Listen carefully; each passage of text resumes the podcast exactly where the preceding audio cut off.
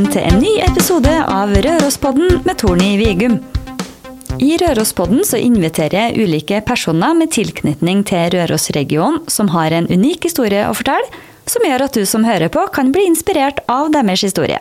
I dagens episode av Rørospodden så har jeg invitert med ei yogadame som for tiden er på tur i Europa.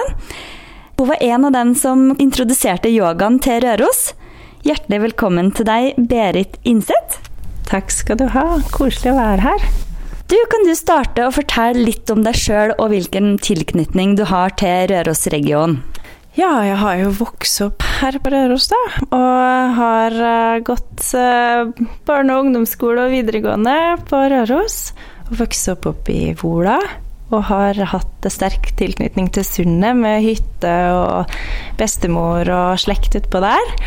Så jeg har jo hele, nesten hele barndommen min her. Født i Trondheim, men vokst opp eh, og hatt all skolegang eh, på Røros. Og så var det først på videregående at eh, jeg tok et utvekslingsår til USA. Så det var min sånn første smak på en litt annen tilværelse enn det jeg var vokst opp med. Så jeg ble kanskje litt bitt av basillen på reising og så litt nye ting allerede da. Så etter videregående så var jeg en av de få i kullet mitt som uh, for til Oslo, og for sørover. De fleste andre for til militæret eller til Trondheim. Så, og derfra så har det blitt en del reising og sånn, og mye base i Oslo, da. Men jeg har jo sterk tilknytning til Røros og har familie her fortsatt. og kjenner nå når jeg er ute og reiser kommer tilbake hit, at det er noe med naturen og røtter og det å komme hjem til en plass som du har lang historie på, som er veldig spesielt, da. Du var jo en av de som Eller du var jo den som kom og introduserte yoga til Røros. Kan du fortelle litt om hvor den yogainteressen starta hen? Det er nesten litt sånn mysterium for meg sjøl, for jeg husker at jeg tenkte jeg gikk altså på Universitetet i Oslo, og så begynte det å komme litt eh, yoga på treningsstudio og sånne ting. Og da var jeg på noen timer der. Jeg husker jo tilbake, da ante jeg ikke hva det var, her var. Jeg husker bare spesielt en gang hvor jeg lå på ryggen i det som heter shavasana, i hvilestillinga, og fikk beskjed om å puste dypt inn i lungene, og jeg kjente at det reiv i, i, lungene mine. At det var Oi, det er lenge siden jeg har pusta ordentlig og dypt. At det var mye som satt der, da. Og det, det, det har satt seg, altså den, den, opplevelsen. Men da visste jeg ikke hva yoga var, så da var jeg på en måte på et slags treningstilbud, og at det var noe spennende. Men jeg husker at jeg tenkte lenge at yoga er noe jeg skal gjøre, og jeg er litt usikker på hvor den ideen i det hele tatt kom fra. Men eh, jeg var i India også før jeg visste om yoga, for å, for å, jobbe der, jobbe frivillig i en organisasjon. Og da møtte jeg en del folk som hadde vært på sære ting som meditasjonsretreat og vært stille i mange dager i strekk. Og holdt på og så jo plakater med yoga og sånne ting, og møtte andre turister som, som hadde vært på yogaundervisning og sånn. Så det begynte kanskje litt der. Og så um, har det bare balla litt på seg. Så jeg tok min første teacher training, altså en sånn lærerutdannelse, i India da noen år etterpå, den første gangen jeg var der. Ikke med tanke på å skulle undervise det, men bare fordi at jeg ville gå litt sånn djupt og skjønne hva det her var. Så jeg tok en lengre utdannelse, og da begynte ting å falle litt på plass. Og jeg begynte å skjønne hva det her virkelig dreide seg om. For dem som ikke vet så veldig mye om hva yoga er, kan du forklare litt hva er det det egentlig dreier seg om? Det er vel ikke bare å ligge på matte og, og gjøre rare stillinger? Nei, det er sånn ah, Det er jo det spørsmålet som kanskje noen som driver underviser i yoga, bør være veldig god på å forklare og gi et godt svar på. Men, men yoga er altså så Det er så mangt, men det er et, et system. Et uh, mer eller mindre lineært system som, som har mange forskjellige retninger og tradisjoner. Som egentlig i bunn og grunn handler om å gi noen verktøy til å bli ordentlig kjent med deg sjøl. Så det er mange tror kanskje at det er litt sånn strengt, og det har en bestemt form, men min opplevelse av yoga er at det er ganske sånn formløst. Det er mange sett med verktøy, men det handler om å ta de verktøyene i bruk i ditt eget liv. Og så handler det om den oppdagelsen innover for å bli bedre kjent med alle lagene av det, det du sjøl er. Så det er Nå så er yogaen veldig kjent som de fysiske øvelsene, som kalles asana. Altså det at man går på en time og tøyer og strekker, og, og også pusteøvelser. Men det er egentlig en veldig, veldig liten del av det hele yogasystemet handler om. Så jeg vil si at det, er, det handler selvfølgelig veldig mye om, om helse, selvutvikling, men i bunn og grunn så vil jeg si at det handler om å oppdage dypest sett hva det er å være menneske, og hva hver og en av oss bærer på, og hva vi har med oss inn i det livet her. Så det er en sånn uendelig spennende og lang reise som, som aldri slutter, egentlig. Så, så, det man får på yogatimer, en sånn bitte liten smakebit på de her konkrete verktøyene som man kan bruke for å begynne den reisen sjøl, så ja, det, det er en sånn bitte liten intro. så din yogareise starta først i Oslo, men så videreutvikla det seg når du var i India. Men etter India så har jo du vært andre plasser og holdt på med yoga òg. Kan du fortelle litt om det? Ja, jeg har jo også altså Jeg tilbrakte egentlig veldig mye tid i akademia, på, på Universitetet i Oslo primært, og også reist eh, gjennom studiene der. Så jeg bodde og skrev masteroppgaven min i Sør-Amerika, i Bolivia. Og bodde i, i, La Paz og gikk på universitetet der. Og var egentlig veldig sånn inni både det akademiske og tenkte at jeg ville jobbe med bistand og bistandsarbeid. Så det at jeg da på de her reisene oppdaga yogaen og, og, tok da den her første lærerutdannelsen, det gjorde at så mye falt på plass at alt annet ble litt sånn sekundært for min del. Så, så jeg kjente vel at hele den tanken om karriere og kanskje sitte på noe kontor eller jobbe i bistandsbransjen, det, det, var ikke det jeg skulle holde på med. Så yogaen tok rett og slett bare litt sånn over for meg, det. Og da, da har alt etterpå handla om å ja, inkorporere yogaen i hverdagen min uansett hva jeg holder på med, også når jeg har jobba og bodd i Norge og gjort forskjellige sånne ting. Så jeg har um, jeg tok òg en del yoga da jeg bodde i Oslo, mens jeg studerte og sånne ting da, i, i senere år. Når jeg kom litt mer inn i det, og møtte noen fantastiske lærere der. Men så var det da så møtte jeg jo da han som er min uh, samboer i bobilen vår nå i Portugal. Uh, han møtte jeg i hans yogatime, så jeg pleier å si at han var en sånn veldig uetisk yogainstruktør som begynte å date en av sine studenter. Det er sånn man egentlig ikke skal gjøre. Uh, men vi møttes i yogarommet.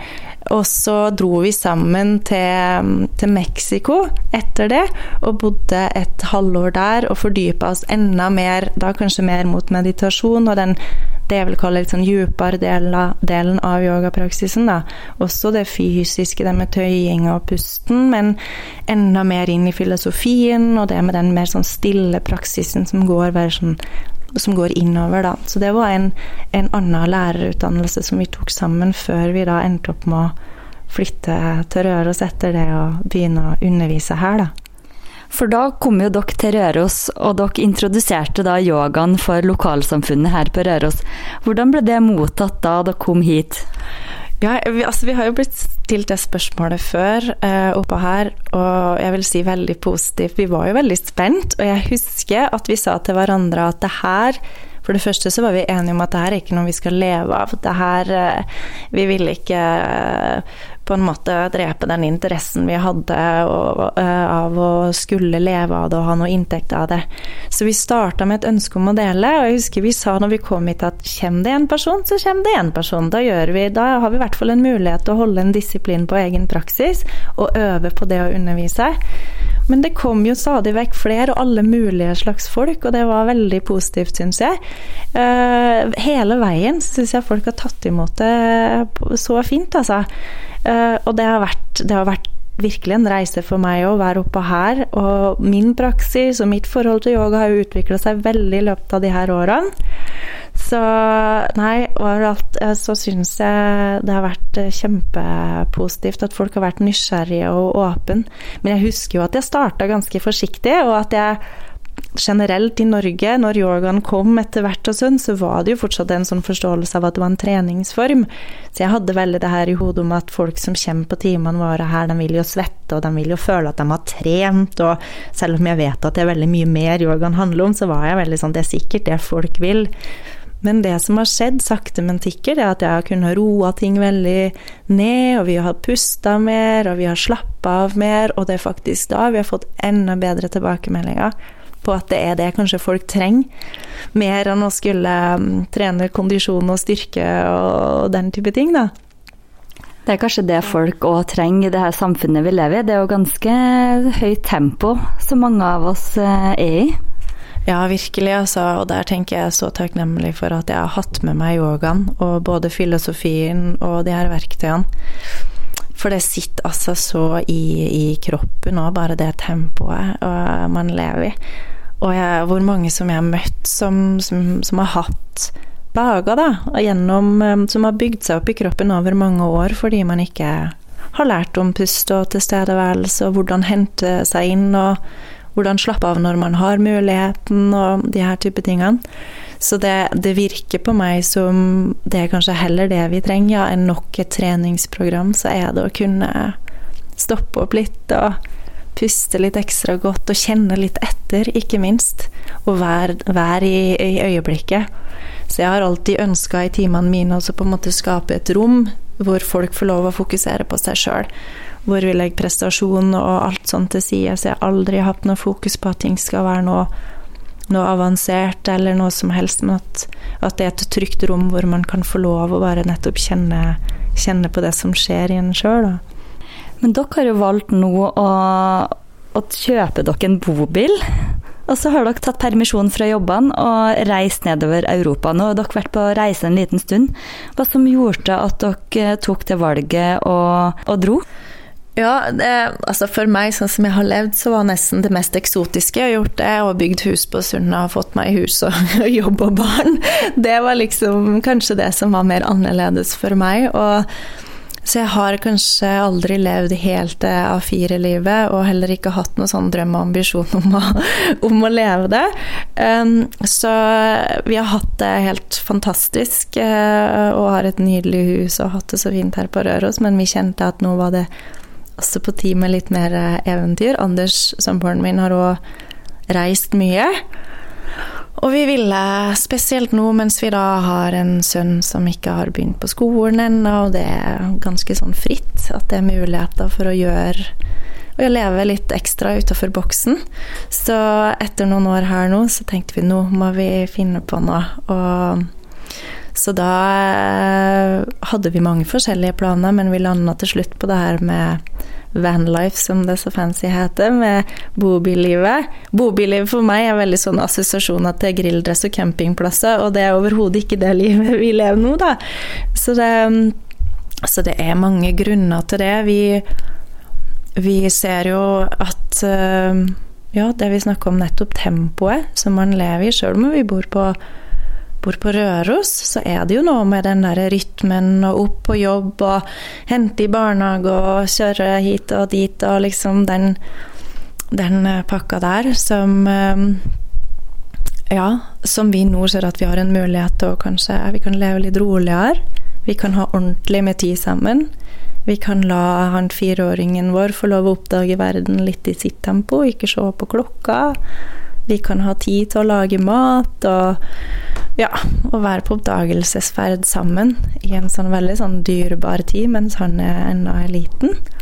Så det Og så er vi, er vi litt sånn opptatt av at uh, denne stakkars jordkloden vår, den sliter nå. Vi, det er mye vi gjør, mange systemer som er på plass som ikke er som ikke er spesielt bra verken for, for mennesker eller for planeten. Så man trenger å tenke nytt og annerledes. Både rundt oppvekst, skole, utdanning og hvordan man lever i forhold til ja, tempo og, og også forbruk. Det med bærekraft. Så litt av poenget med reisen vår nå er å undersøke dem som har tatt steget ut og lever annerledes og drive og bygge opp de her nye, mer sånn innovative systemene for, for mer bærekraftig og, ja, livsstil.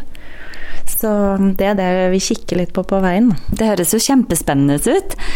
Eh, var det mye planlegging eh, i forkant av denne turen? Eh, altså ja og nei, egentlig ikke. Vi er vant begge to med å reise, så vi er veldig sånn komfortable med å og bare la ting eh, komme litt sånn som de gjør av seg sjøl. Eh, spesielt jeg, kanskje. Anders har vært litt mer sånn trygghetssøkende og vært litt mer sånn på planlegging og, og sånn, og det har vi snakka mye om underveis. Og jeg kanskje hakket mer eventyrer, så for meg er det veldig komfortabelt jeg er sånn som da slapper av mer når jeg ikke vet hva som skjer. Jeg får mer hetta når jeg vet for mye, når det blir for mange rutiner og, og alt er for forutsigbart. Så det var mer sånn praktisk i forhold til det å forlate hus og den type ting. Men ellers så har vi planlagt fint lite, og så tar vi hver dag som den kommer, og tar det som dukker opp. Og det dukker jo opp så mye når man nettopp slipper de her planene og tankene om hvordan det skal bli, og hvordan det skal se ut. Da dukker alt det andre magiske opp. Så, sånn lever vi nå veldig sånn fra dag til dag og bare kjenner etter hva vi har lyst til, og hva som finnes i nærområdene der vi er. og er litt sånn konstant på oppdagelsesferd, egentlig. Ja, Det høres jo helt fantastisk ut. Men eh, hvordan er det her eh, Du snakka jo om bærekraft, og at det er folk som driver bygger opp annen type samfunn nedover i, eller andre plasser i Europa. Kan du fortelle litt rundt det? Hva er det for noen ting? Ja, det er jo det er veldig mange, masse spennende prosjekter som begynner. Og det er klart det er litt sånn for Det er ikke sikkert man legger merke til det så mye hvis man ikke er veldig interessert i de tingene her, men jeg har vært interessert i det lenge, så jeg vet at det finnes veldig mye der ute som det er verdt å sjekke ut. Så du har sånne type økosamfunn, økolandsbyer, småsamfunn, som som er over hele Europa. Fins noen eksempler her i Norge òg, men så vi ligger kanskje litt, litt lenger bak. Um, men det fins noen kjempespennende i Tyskland og i Frankrike og, og, Spania og Portugal. Hele veien nedover så fins det forskjellige typer prosjekter. Hvor noen kanskje har veldig fokus på det her med miljø og bærekraft. Så de er opptatt av å være sjølberga, bruke lite energi, finne naturlige vannkilder. Um, og bruke solkraft eller vindkraft. Uh, bygge opp egne skoler, barnehager som er basert på å, å være mer ute i naturen, f.eks å følge barn sitt eget tempo i forhold til læring og mye forskjellig sånn. Og så er det kanskje andre som har mer Sånn for oss som er interessert i yoga, som har mer sånn spirituelle fokus, som går litt dypere, som har systemer for at hele samfunnet mediterer, og har, har, del, har, mye kunnskap og kommunikasjon og en del sånne ting. Så det er veldig mye forskjellige sånne småmiljø sånne noder av eh, kunnskap, og noen har bygd opp kunnskapen over mange tiår. Så for meg, jeg sier alltid at for meg så er det de mest innovative menneskelige miljøene som, skje, som, som, som er veldig, veldig spennende, som virkelig går inn i hva vil det si å skape et fremtidssamfunn som er bærekraftig, både på det emosjonelle og relasjonelle, hvordan vi er sammen som familie eller som samfunn? Hvordan vi driver med utdannelse, eh, beslutningstagning, ressursbruk, hele, hele pakka. Og det er klart at noen fokuserer på en del av det her, mens andre er bedre på, på andre ting. Så litt av det vi er spent på, er å gå inn og se hva funker her, og hva funker ikke. Og så danne oss et bilde av eh, hva vi syns er spennende. og ja. Så det er, det er, Og de fleste som er større av de her økosamfunnene og holdt på en stund, de har gjerne proffe programmer hvor man kan komme inn og ta del, kanskje jobbe frivillig, være med på, på retreats eller workshops og sånne ting, så man kan komme inn og få et innblikk i hvordan det er å leve på denne måten. Danmark annet er ganske god på det her.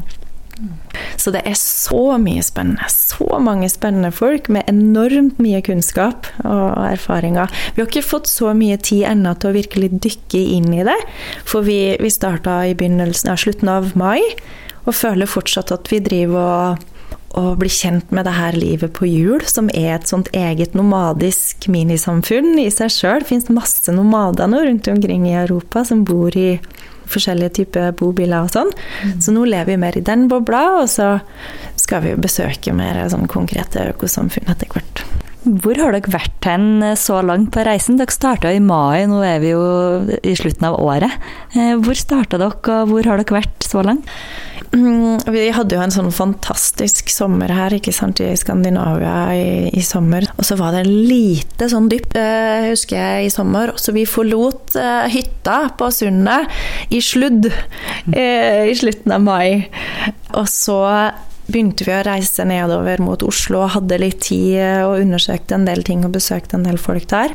Og så var det det å da vende blikket sørover. Så vi starta med Sverige da. Og da husker jeg at vi kjørte mot, eh, mot Sverige og visste om en plass hvor de driver og bygger opp en veldig spennende skole som er litt annerledes som vi var litt nysgjerrig på.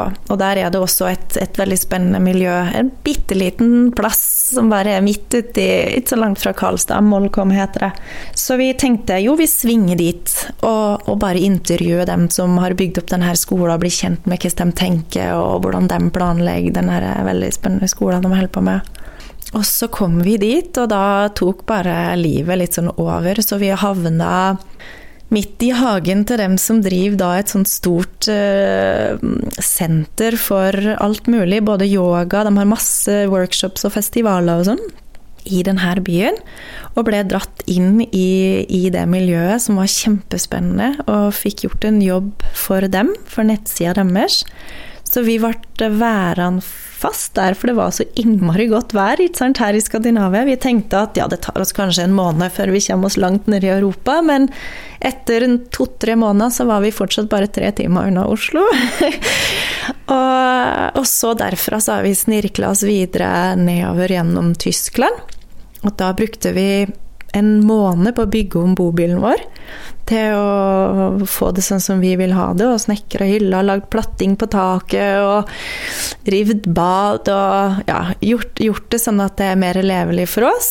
Og så derfra så kjørte vi ganske fort gjennom Frankrike, og da begynte høst, høstvær å, å ta oss igjen, og da tenkte vi nå må vi komme oss til kysten og varmere vær. Så da har vi tok vi veien ganske kjapt gjennom Frankrike og ut til østkysten av Spania. Og så har vi derfra kjørt hele kysten nedover, og nylig nå kryssa grensa til Portugal, helt, helt sør. Så jeg og min sønn vi fløy da fra Faro sør i Portugal og opp hit til Røros nå jula, for å få smaken på litt ordentlig julestemning. Hvordan er det å ha med seg en liten gutt på tur i vanlife? Ja, vi var jo veldig spent da, på hvordan det her skulle gå. Bare det å så også trykke hele familielivet inn i en sånn boks med kanskje fire bevegelige kvadratmeter og en uh, spillvin fireåring.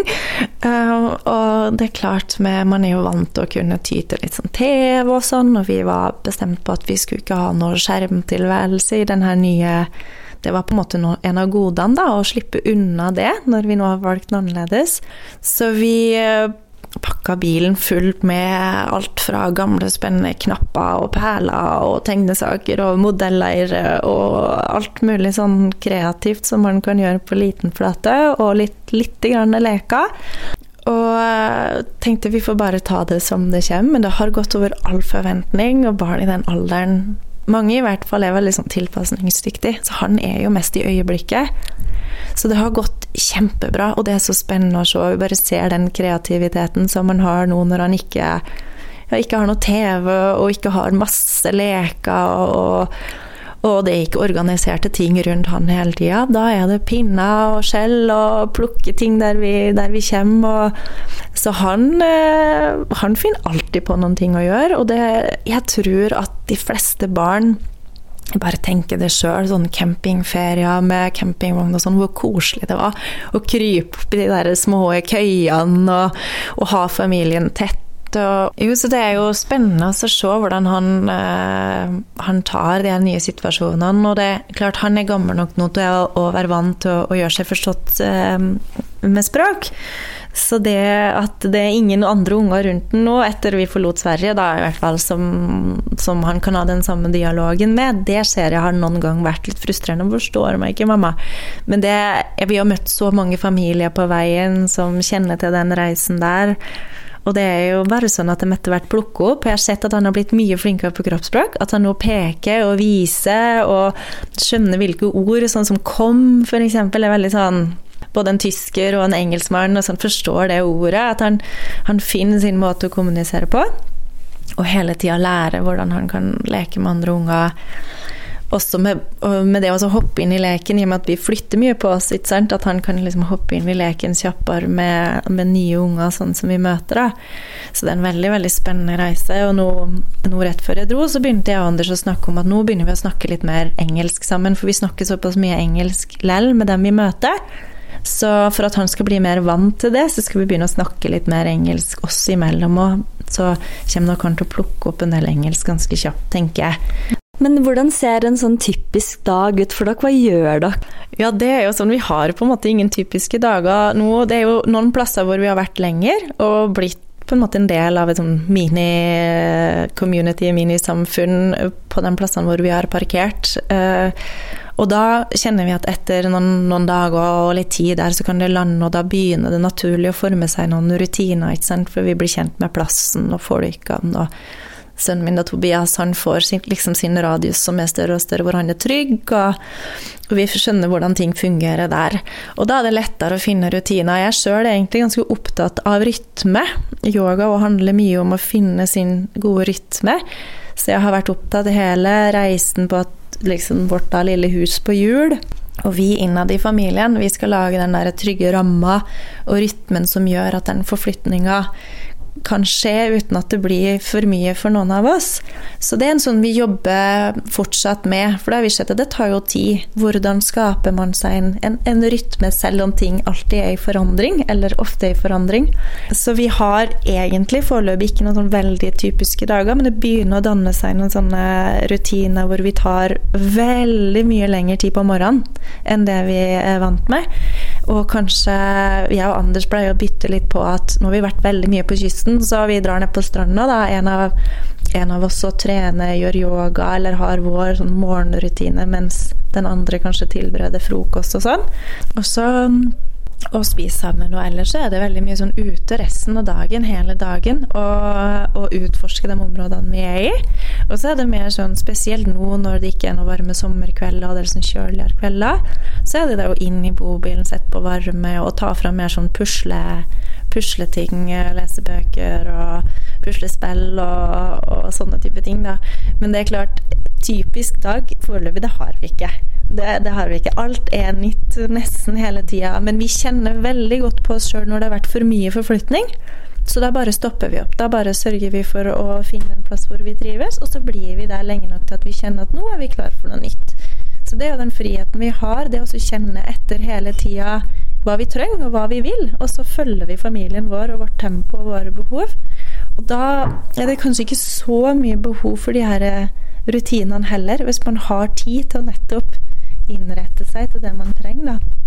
Så, men med det sagt så er vi på utkikk etter en plass nå hvor vi vil lande litt og skape en base og bli over litt lengre tid. Spesielt i tilknytning til de der eh, økosamfunnene og sånn, så man blir litt ordentlig kjent med hvordan ting fungerer. Så det kommer nok på nyåret nå, tenker jeg, at vi blir litt sånn lenger. Vi har vært på veien mot Portugal, føler jeg, frem til nå. Og nå skal vi kanskje lande litt mer der, da en eller annen plass. Nå har jo dere vært borte som sagt siden mai, eh, i, litt over et halvt år. Hvordan er det dere eh, får det til å gå rundt eh, økonomisk? Mm, det er altså I det her vanlife-miljøet så tror jeg det er kanskje det, det spørsmålet folk møter mest. Fordi man møter så mange som drømmer om å kanskje gjøre noe lignende. Og det er klart, det er jo ikke alle som kan det. Vi er jo i utgangspunktet privilegert når vi kan gjøre noe sånt. Så, men for oss så det, har det vært veldig sånn lystbetont, det å forenkle livsstilen. Vi vil leve enklere, så vi lever veldig enkelt, og vi har lyst til det. Så vi, har, vi leier ut huset vårt her på Røros. Og så har Anders en 20 %-stilling som han kan ha underveis. Trenger bare internett.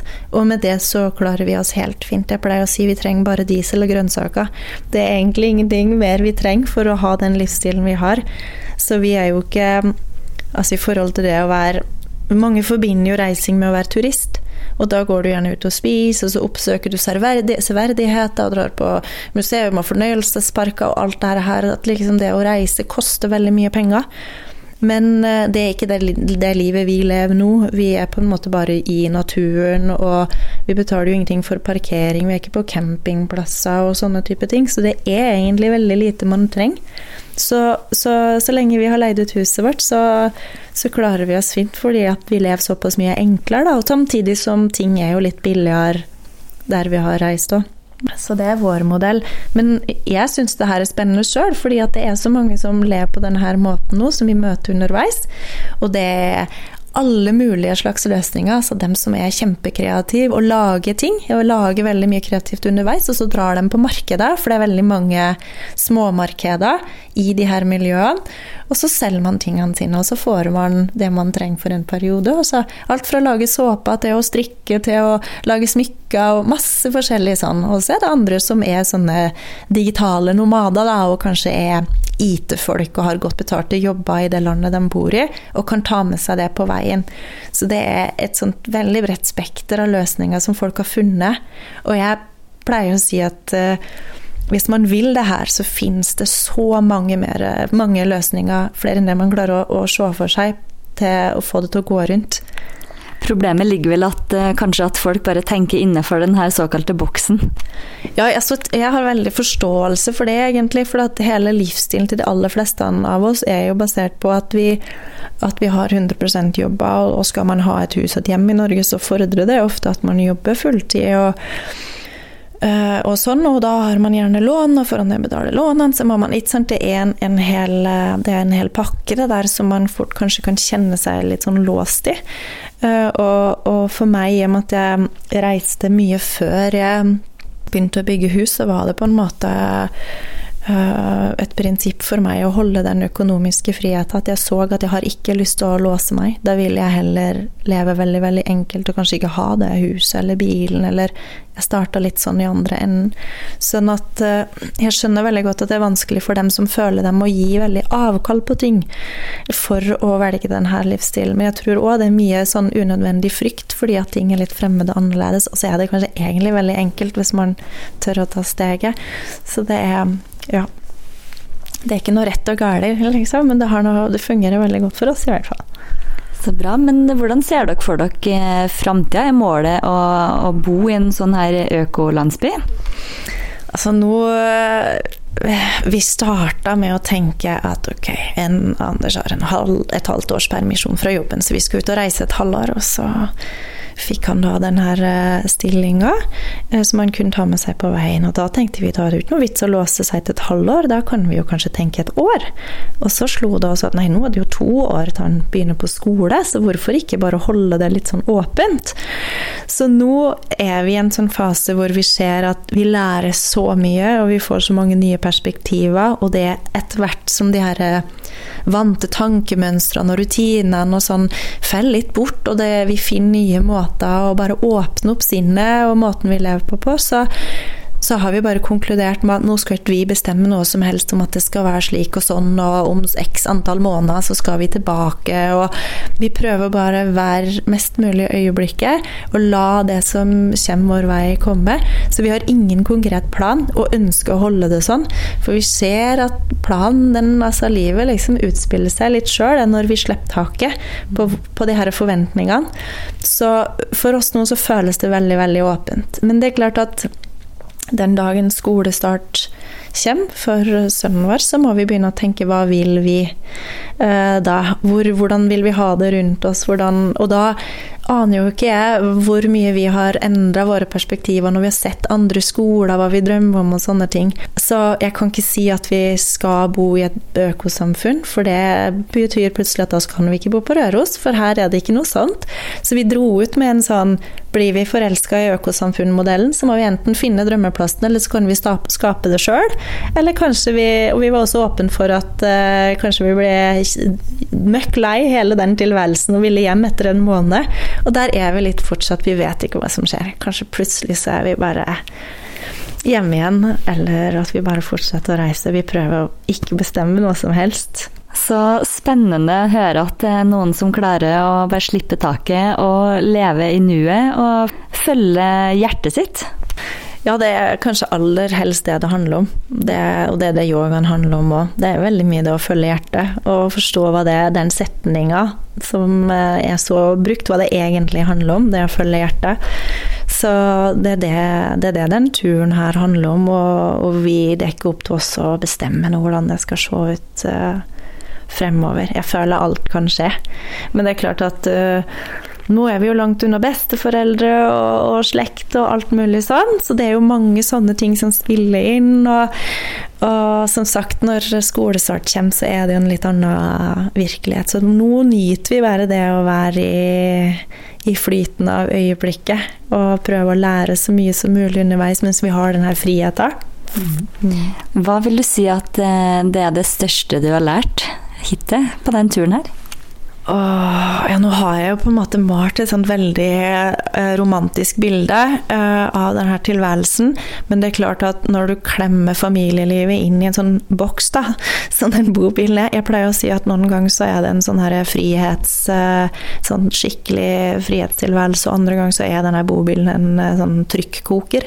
Fordi alt som, som, eh, som skjer i et parforhold og i en familie, det blir jo enda mer intenst når du lever så tett på hele tida. Så noe av det mest verdifulle vi har lært, er når det koker. Når vi bare står der at åh, vi kan ikke gå og gjemme oss i naborommet, og vi skal ikke sant, Nå lever vi virkelig oppå hverandre. Så, og nå er både jeg og, og samboeren min litt sånn nerda på akkurat det. Vi ønsker den sjølutviklinga. Vi ønsker å se hvordan vi skaper unødvendig kaos i forholdet vårt, og finne ut hva som er roten bak konflikter, og vi er veldig sånn nerdete på, på sånne ting. Sånn at eh, vi har brukt mye tid når, har, når det har kokt, på å jobbe med parforhold og hva vi ønsker med familien. vi så det er kanskje noe av det vi har lært mest av. Og så er det også det å se, se Tobias, da, lille Tobias, hvor fleksibel han er, og alt det her som vi trodde skulle bli vanskelig, hvor enkelt det er, f.eks. med skjerm, da. Nå var det ikke det at han var så veldig Brukte så mye tid foran TV-skjerm eller noe sånt før vi dro, men det at det ikke er noe spørsmål etter det engang, og at så mange ting vi trodde skulle være et problem, sånne små praktiske ting som egentlig er fryktelig enkelt, og det å og så er det også det å kjenne hvor hardt det sitter i de her mønstrene med å skulle Hva er det å leve et godt liv? Hva er det å være en samfunnsborger og bidra, og sant, hva slags kvalitet er det vi ønsker i livet? Og det å sitte og egentlig ha all frihet og kunne gjøre hva vi vil, og kanskje rett og slett ha liksom nesten dårlig samvittighet for at vi koser oss. og fordi bidrar vi nok nå, eller har vi jobba hardt nok, har vi vært produktive i dag? Mm. Ikke sant? Sånne type ting. Og så bare se hvor hardt sånt sitter i. Og at jo, men det er det, Vi har all grunn nå til å bare være til stede i det som er, og, og nyte livet. Men, eh, men og, det, og det er litt spennende, for når man da slipper taket, og vi plutselig har all tid til å gjøre det vi vil, så har det etter hvert som det har sunket inn, så kjenner vi på en sånn veldig voksende ønske om å, å gjøre noe veldig produktivt ut av turen. Som kommer fra et sånn helt annet sted, hvor vi er sånn naturlig inspirert til å dele eller bruke denne reisen til et eller annet. Så det er kanskje neste prosjekt for vår del, å begynne å, å dele mer. og eller nettopp da dra inn i økosamfunnene for å hjelpe til. Om det å lære om jordbruk, byggeteknikker Men å ha et sånn ganske aktivt, eh, produktivt liv der vi er, da. Vi er ikke interessert i å ha sånn hengekøye-strandliv for alltid. Det er ikke det vi er på i det hele tatt. Tror du at du kommer til å dra med deg mye av det du lærer på den turen her tilbake igjen til Røros? Ja, det, altså det her vil vi jo ha med oss resten av livet, tenker jeg. Uansett. Alt det vi lærer, vil jo sitte i oss. Så, men hvilken form det vil ta, og hva det er vi velger å fokusere på, det, det er veldig vanskelig. Og nå er jeg så midt oppi det, så når du spør meg hva har vi lært, så blir jeg nesten sånn åh, det, det, Vi står så midt i det, så noen ganger så tar det litt tid før man ser hva det er man egentlig har lært og erfart. Så jeg tenker det kommer litt sånn etter hvert, hva det her Kanskje egentlig hva denne turen her handler om. At det viser seg litt, litt etter hvert. Mm. Det er nok ofte sånn. Det er vanskelig å se ting når en står midt i det, og litt enklere når en får ting litt på avstand igjen. Men det, har dere noe sånn uh, motto som dere, uh, som dere, lever etter, eller har du noe sånn favoritt-livsmotto? Jeg vil kanskje si at det jeg og Anders har litt som, som en felles visjon, da, det er kanskje autentisitet.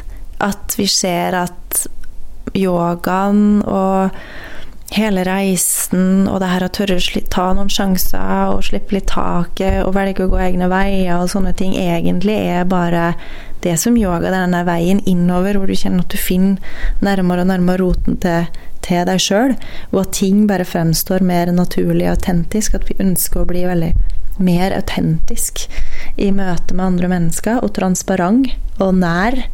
Så det, det å, med autentisitet og og, og det å følge hjertet. Det å, virkelig kjenne etter hva som Å stole på at det kroppen forteller, og det hjertet forteller, er faktisk det som er riktig i øyeblikket. Å stole på det. Det er noe man må på en måte hive seg uti og praktisere, tror jeg, før man tør å leve etter det.